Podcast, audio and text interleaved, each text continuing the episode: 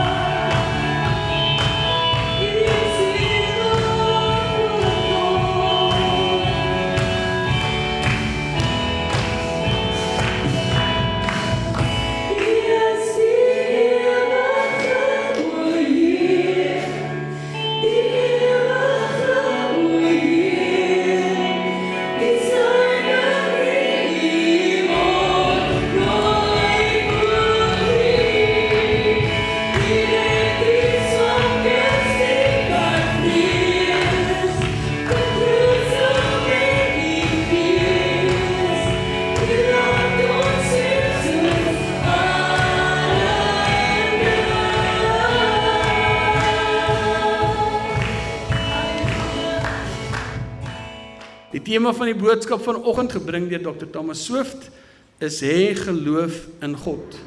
Die skriflesing is uit Lukas 7 vers 1 tot 10. Baie dankie, Pastor Harold. Goeiemôre gemeente.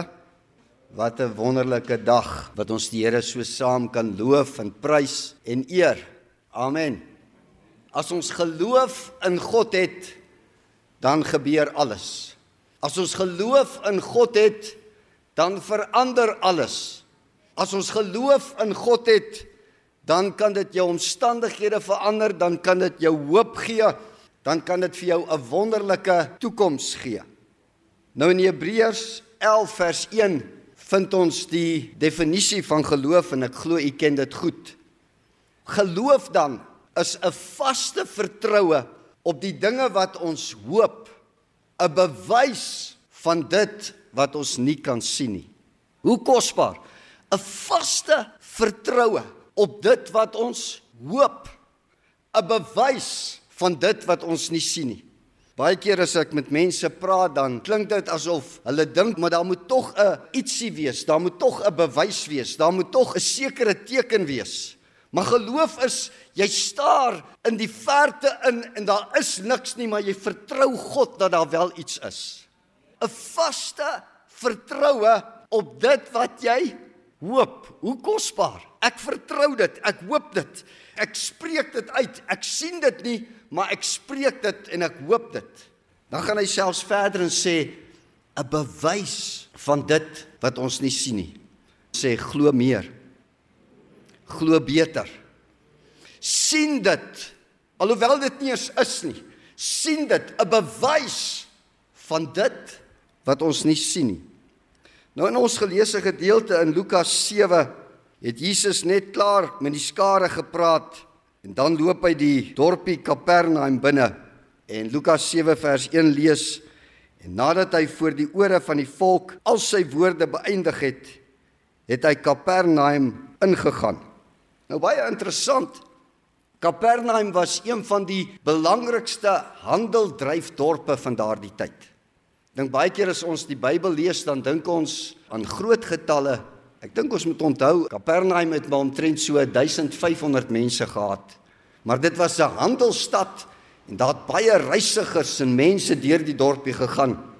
En Jesus stap hierdie dorpie binne om verder te bedien en te praat En dan kom daar owerstes na hom toe. Voordat ons by dit kom, is interessant. Kapernaum is die hoofkantoor van sy bediening en het die hoofkantoor van sy bediening geword. Dit is so verskriklik as 'n mens Jesus verwerp. Sy eie dorpie Nasaret het hom nie geag nie. Sy eie dorpie Nasaret het hom nie geëer nie, hom nie ontvang nie. En dan beweeg hy na Kapernaum en dan maak hy hierdie dorp die setel van sy bediening. Ek wil vir u vandag sê, moet nie u rug op Jesus draai nie. Moenie 'n geleentheid wat Jesus vir jou iets kan doen laat verbygaan nie. Hoop op hom, vertrou op hom. Glo in hom. En omdat sy eie dorp hom verwerp het, gaan hy na hierdie dorpie Kapernaum en begin hy daar bedien. En terwyl hy daar bedien kom die ouderlinge na hom toe, want 'n hoofman oor 100, 'n Romeinse offisier het na hom gestuur. En hy laat hom weet in vers 2 lees ons en die dienskneg van 'n sekere hoofman oor 100 wat vir hom baie werd was was ongesteld en het op sterwe gelê. Interessant, die woord sê die dienskneg was vir hierdie hoofman oor 100, 'n Romeinse offisier baie werd. Jy weet, as daar nou maar een ding in die lewe is wat 'n mens moet doen is dit werk hard. Nog nooit is harde werk ontsien of verbygekyk nie. Hierdie dienskneg was waardevol vir sy meester omdat hy hom toegewy het, omdat hy sy beste gegee het, sy beste gedoen het.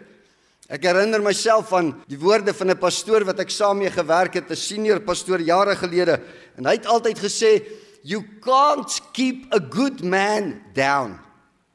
Jy kan nie iemand wat hard werk, wat sy beste gee en wat sy beste doen terughou nie. En hierdie dienskneg het sy beste gegee, sy beste gedoen en daarom was hy kosbaar, baie werd vir hierdie hoofman oor 100.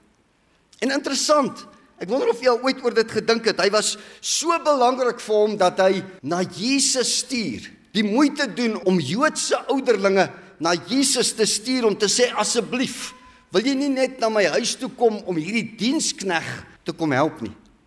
Ek wonder hoeveel van ons voel so oor die wat saam met ons werk, moontlik die wat vir ons werk. Maar hierdie dienskneg het sy beste gedoen. En hy laat stuur na Jesus. Vers 3 sê so kosbaar: Toe hy dan van Jesus hoor, het hy ouderlinge van die Jode na hom gestuur met die versoek aan hom dat hy moes kom en sy dienskneg gesond maak. Vir my is die geheim die stukkie toe hy van Jesus hoor. Hoe bevoorreg is ons wat ver oggend hier sit. Toe ons van Jesus hoor. Jy weet baie keer dan dink ons dis maar net omstandighede. Dan dink ons maar net dis toevallig dat ek hier is. Maar as jy bietjie mooi na jou lewe gaan kyk, sal jy sien, daar was iemand wat vir jou gebid het. Daar was iemand wat vir jou ingetree het. Daar was iemand wat met jou Jesus gedeel het. Hy het van Jesus gehoor, hierdie Romeinse, onthou 'n Romein, nie 'n Israeliet nie, 'n Romeinse offisier. Iemand het moed gehad om hom van Jesus te vertel. En toe hy van Jesus hoor. By hierdie tyd het hy al reeds soveel van Jesus gehoor dat hy geweet het hy is die antwoord vir sy dienskneg se siekte. So verskriklik as ons terugdink sy eie dorpie Nasaret. Sy mense, Israeliete, het hom verwerp Maar hier is 'n Romeinse soldaat, 'n man van gesag, 'n man van autoriteit. Toe hy van Jesus hoor en hy hoor hy's in sy dorp, toe sê hy: "Kom help my dienskneg." Jy weet as ons aan dit dink, sê dit net opnuut vir ons die verantwoordelikheid wat ons het om ander van Jesus te vertel. Jy het gehoor. Jy het die verantwoordelikheid om ander te laat hoor. En dan saam met dit, soos hierdie Romeinse offisier, moet jy die hoor koppel met geloof. Hy het nie net gehoor nie, maar hy het ook geglo. En omdat hy geglo het, het hy gesê: "Jesus, U is my oplossing. U is my antwoord, nie eers vir myself nie, maar net vir my dienskneg. U is die oplossing en U is die antwoord vir my dienskneg." Hy het nie self gegaan nie. En baie mense dink Hy het gedink omdat hy 'n hoofman oor 100 is, omdat hy 'n Romein is, is hy te kosbaar. Is hy te belangrik, maar dit was nie die rede nie. Hy was so nederig Hy was so eenvoudig alhoewel hy 'n man van gesag en autoriteit was, het hy geredeneer ek is 'n Romein. Hoe kan ek na hierdie Jesus toe gaan wat 'n Jood is, 'n Israeliet is? En daarom het hy homself verneder om na die ouderlinge te gaan, die Joodse ouderlinge gesê asseblief, ek het 'n versoek. Hoe kosbaar dat jy jou hart uitstort en dat jy 'n versoek rig namens iemand anders. Dit was nie eens vir homself nie. Dit was nie vir sy eie familie nie, dit was maar vir 'n dienskneg. Wat hy sê ek het 'n versoek. Sal julle asseblief na hierdie Jesus gaan en vir hom net vra om my dienskneg gesond te maak. Hy vra dat hy sal kom en sy dienskneg genees. Hoor wat is sy CV? Wat het die ouderlinge van hierdie Romein gedink? Vers 4 en 5 sê en toe hulle by Jesus kom, het hulle hom dringend gesmeek en gesê: "Hy, luister mooi. Hy is dit werd dat u dit vir hom doen, want hy het ons volk lief en het self die sinagoge vir ons gebou." Wat 'n getuienis. Ek wonder hoeveel keer het Jode so gevoel oor 'n Romein dat hulle na Jesus kom en vir hom sê hierdie Romein verdien dit. Hy is dit werd dat u sal kom en sy dienskneg gesond maak. Hy het ons lief.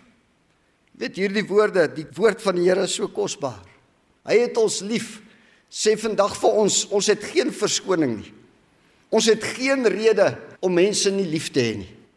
Hy was 'n Romein Die Jode was soos uitvaagsels gesien, hulle was so slawe gesien.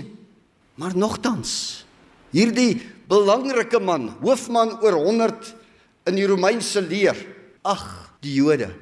En die woord sê hy het hulle lief.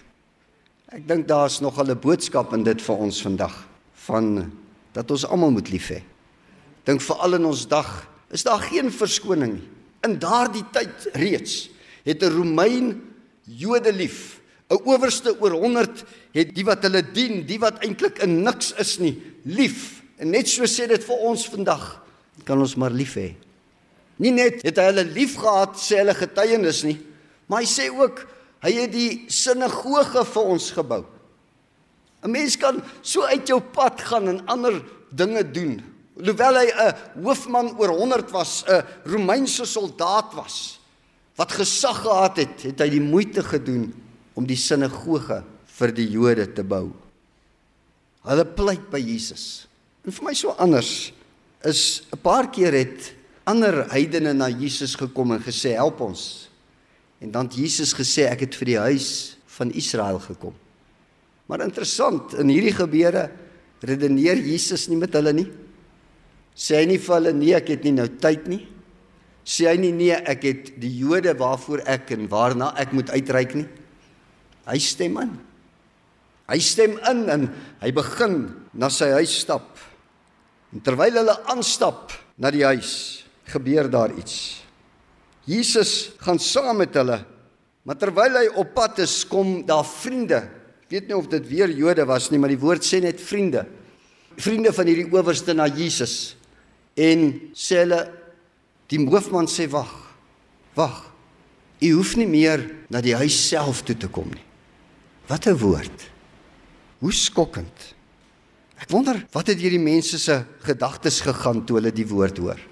U hoef nie meer na die huis toe te kom nie. Wonder of hulle gedink het die diensneg is dood.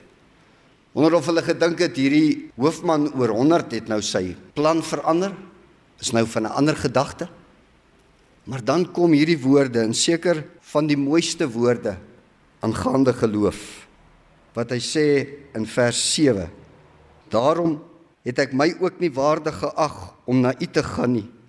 Sê maar met 'n woord en my knegg sal gesond word. Sê maar met 'n woord en my knegg sal gesond word. Wat 'n geloof. Wat 'n vertroue. Wat 'n bewys van dit wat hy nie gesien het nie. Hy sê spreek maar net 'n woord en my knegg sal gesond word. Ons moet geloof in God hê. Jesus kyk na die skare, hy stop eintlik en hy draai om na die skare en hy sê ek het nog nooit so geloof gesien. Ek het nog nooit so geloof onder my eie mense onder die Israeliete gesien. Dat hierdie man so my glo en vertrou dat hy sê Here u hoef nie te kom nie. Ons herinner onsself van die storie van Naaman. Hy wou gehad het die man van God moet hom aanraak. Daar moet iets gebeur. Hierdie Romeinse offisier sê u hoef nie te kom nie. U hoef nie u hand oor hom uit te strek nie. U hoef hom nie aan te raak nie. U kan maar net 'n woord spreek. Die woord kan 'n end beweeg, kan 'n afstand beweeg en my dienskneg waar hy in die huis is aanraak en gesond maak.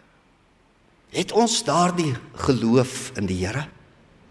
Het ons daardie geloof vir ons stryd en ons omstandigheid vandag? Om te kan sê, Here, ek hoef U nie te sien nie. Here, U hoef nie my aan te raak nie. Maar Here, spreek maar net 'n woord. Sê maar net 'n woord en vanweë U gesag, vanweë U krag, vanweë U heerlikheid sal daardie woord beweeg. Sal dit my dienskneg aanraak en sal dit my dienskneg gesond maak. Dan gaan hy verder en hy verduidelik en hy sê waarom het hy hierdie geloof. En hoeveel sê dit vir ons geloof vandag? Hy sê in vers 8, want ek is ook 'n man wat aan gesag onderworpe is. En ek het soldate onder my. En vir hierdie een sê ek gaan en hy gaan. En 'n verander een kom en hy kom. En vir my dienskneg doen dit en hy doen dit. Hy het iets van 'n woord verstaan. Hy het iets van geloof verstaan. Hy het iets van gesag en autoriteit verstaan. En hy sê: "Jesus, u hoef nie na my huis te kom nie. U hoef nie my dienskneg aan te kom raak nie. Want ek weet wie u is. Ek verstaan wie u is. Ek is self 'n man van gesag."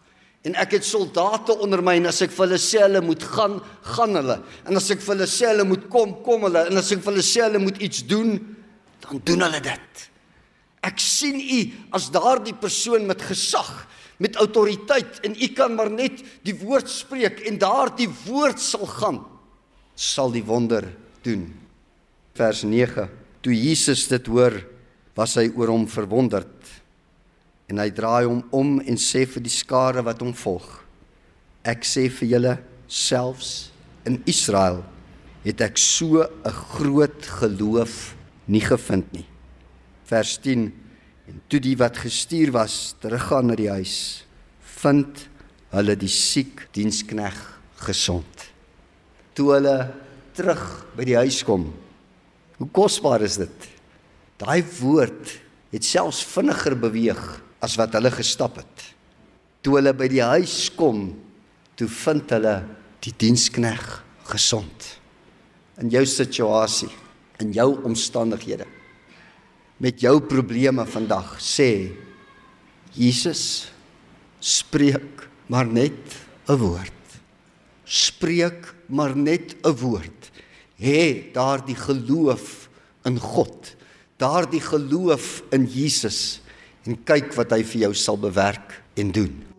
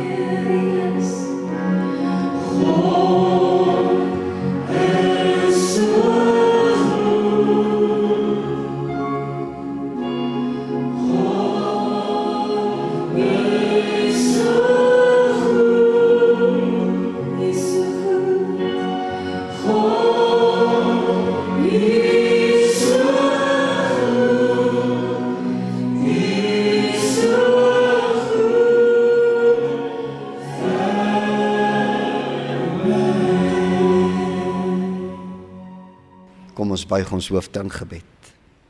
Here, ons dankie vir u woord. Hierdie stories wat geskryf en opgeteken staan wat met ons praat, wat ons leer. My gebed vir elkeen in hierdie plek is dat hulle daardie geloof sal hê, soos wat hierdie Romeinse offisier gehad het, om te sê spreek maar net 'n woord. Here in elke lewe en elke probleem in elke omstandigheid vandag spreek maar net 'n woord in die naam van Jesus. En ons weet dit sal die uitkoms bring. Dit sal die antwoord bring. Dit sal die uitkoms bewerkstellig. Ons bid dit in die kosbare naam van Jesus. Amen. thank you